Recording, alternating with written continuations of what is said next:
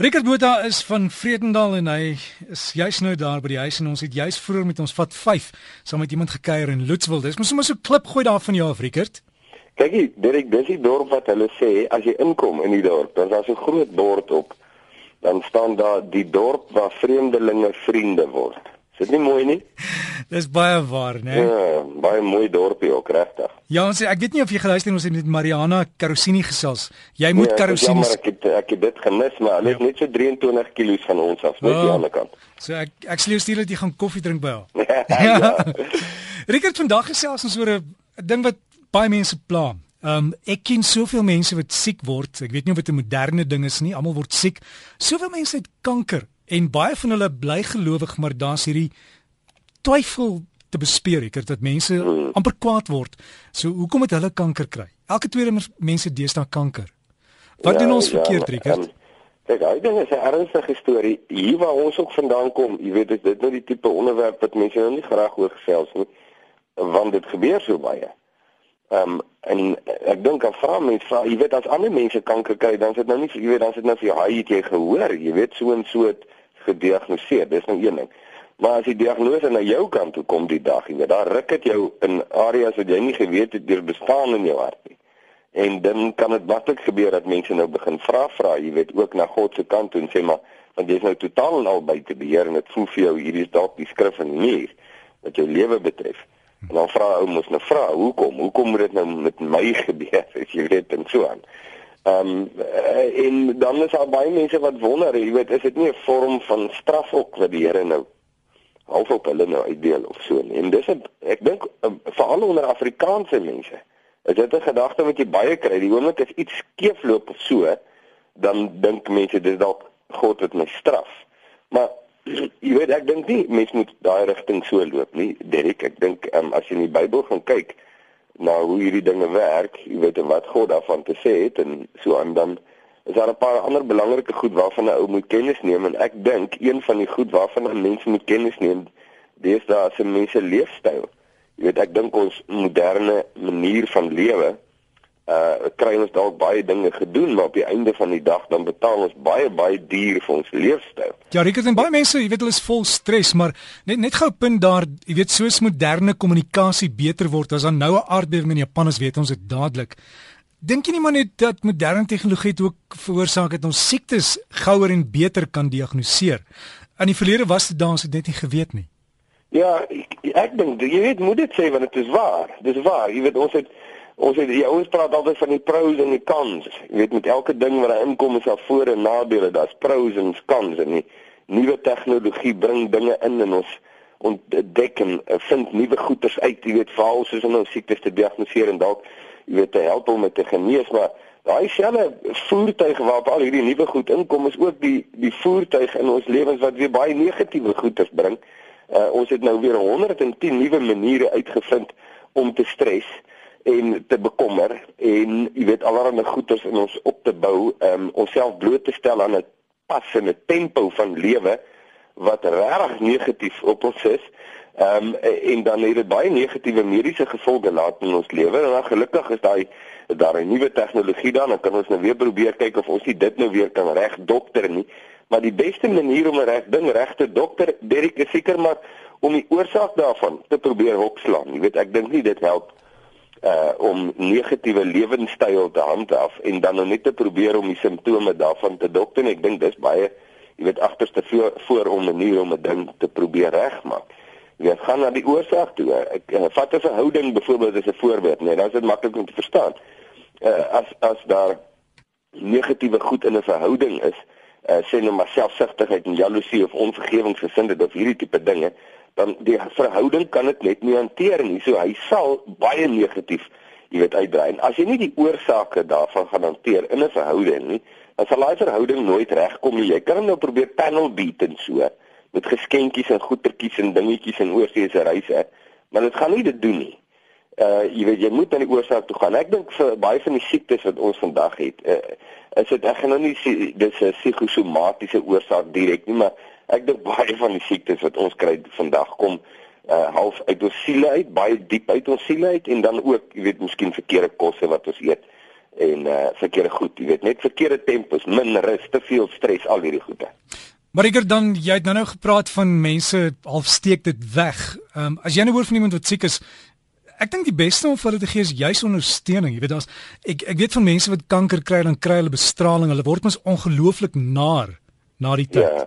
En as jy jou dokter vra vir ietsie soos medisinale dagga Ek weet dit klink nou verskriklik. Sê die mense nee nee, jy kan nie dagga nee nee nee, hierdie goed is is uitgewerk, maar jy moet vra daarvoor. En so kan jy dan net minder naar wees en jy kan dan 'n bietjie beter voel. Ja, kyk daai daai gesprek, jy weet ek ek weet nou nie of of pleisters vir die siel die regte program is vir dit. ja, ja. Daai gesprek hoor, jy weet die lewenskwaliteit van behandeling en mediese, jy weet, moet 'n ou, jy kan 'n kry behandeling kry, maar jou lewenskwaliteit gaan af. Moet jy nie maar jy weet verlief neem daarmee en dan nou die lewe maar sy pad laat loop. Die, die groot ding is, Derek, nie een van ons, maak nie saak hoe siek of hoe gesond jy is, gaan vir ewig in hierdie ou lyfie en op hierdie aarde lewe nie. Jy weet dood is um, is almal se voorland. En uh, ek dink die die moderne neiging om jou fisies aan die lewe te probeer hou vir ewig en altoos is wensdenkery en 'n heeltemal 'n verkeerde pad. Ja, ek dink maar Rikert as jy verstaan en ek dink dit bring jy ook by God uit op 'n baie besondere manier dat die lewe is tydelik en die dood is 'n baie realistiese werklike ding wat definitief aan jou deur gaan klop. Nie miskien nie, nie dalk nie, definitief. En dat ehm um, dat wat ek ook al in hierdie lewe doen, het 'n begin en 'n eindtyd en dat ek dan natuurlik voor God sal staan en verantwoording doen vir my lewe. En maak nou nie saak hoe ek gaan sterf nie. Dit is nou dis nou irrelevant. Dat ek dit gaan doen, dit is absoluut waar. Dat ek voor God gaan staan en nou ook voor hom staan. Dis 'n absolute waarheid. So ek dink 'n ou moet moet ophou met vrille, jy weet, miskien jou, jou eie hart probeer nou sis. Net by die kern uitkom en dan kyk jy ook die lewe anders. Kom ek gee net een voorbeeld en ek dink dan maak dit die punt. As jy uh, by iemand se bed gestaan het wat gesterf het of besig is om te sterf en jy stap af weg, dan skielik kom jy agter jou hele waardesisteem uh is anderste. Skielik voel dit net vir jou, jy staan ook het dit baie gehad, dan vir emosioneel dan stap ek af weg. Dan voel dit net maar hier's 'n klomp goed in my lewe wat ek dink is belangrik wat glad nie belangrik is nie. Jy weet dat skielik 'n waardeverskywing plaasvind. En ek dink as ons na hierdie tipe goed op die regte manier kyk, dan vind daar 'n kosbare waardeverskywing plaas wat ons by God gaan uitbring en dis die pad om te loop. Ja, ek ek hoe ek jou nou geluister het, ek, ek stem nie 100% saam nie want wat ek gehoor het is As jy begin siek word met jy moet nou maar sê jaar is reg so en doodgaan, maar het God nie juis vir die mens wysheid gegee om die mediese wetenskap te gebruik om jou te probeer gesond maak nie. Ja, jy sien dis dis 'n waarding en ek ek is 'n voorstander daarvan. Ek sê as jy kan behandeling kry, gaan kry behandeling, hoekom nou nie? Maar daar's 'n tyd waar selfs die beste behandeling nie gaan help nie. En dan wat jy kry by mense is 'n geweldige angstigheid en 'n woede. Hulle wil nie aanvaar dat dit nou hulle tyd is nie. Jy weet eh, wat 'n baie spesialis berading area nogals is, jy weet, uh, en jy kry wonderlike beradings beraders in Suid-Afrika wêreldwyd wat mense help om daai laaste hoofstuk van hulle lewe met groot waardigheid af te sluit. Die punt is elke ou kry daai hoofstuk. So as jy kan hulp kry, natuurlik kry jy hulp.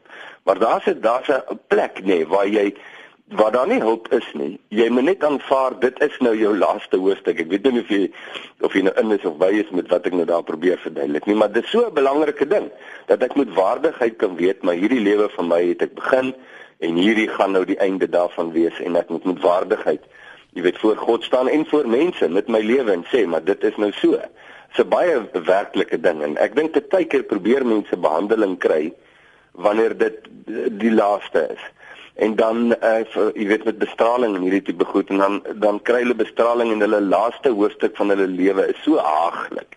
En dan dink jy maar plaas hulle dit nou maar jy weet net aanvaar dit en dan was daar 'n beter kwaliteit en 'n 'n vreeslike lang debat. Jy weet hierdie jy kry hom baie. Jy gaan kyk in die koerante ook en op uh weet ander forums. En dis 'n belangrike ding om oor te praat en te sê as jy kan behandeling kry, kry behandeling. Wonderlik. Kry dit en die Here genees ook. Maar jy moet ook verstaan daar is 'n plek waar ek hierdie hoof gaan neerlê waar geen behandeling meer gaan werk nie en waar ek gaan sterwe en dan voor God gaan staan en verantwoording doen vir my lewe. En dis 'n belangrike gesprekspunt. Ja, Rickert, dan kan jy daarmee met vrede heen gaan en en vrede maak voor jy gaan.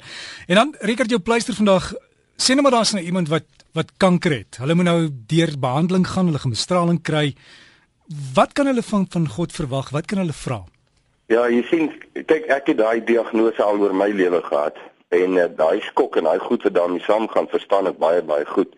Ek dink, jy weet, miskien uh, sal 'n ou 'n pleister dink in in hierdie tipe gesprek is uh, dat waar God is, is daar altyd hoop ehm um, altyd hoop. Jy weet, eerstens is daar hoop natuurlik vir hierdie lewe. Ek dink dis die belangrike ding. Dit as ek negatiewe nuus oor my lewe hoor en of dit in my gesondheidstoestand is of wat ook al, dan is dit nie die einde nie. Negatiewe nuus beteken nie die einde nie. Ek staan voor 'n hoër gesag. Ek staan voor God en in hierdie lewe is daar vir my hoop.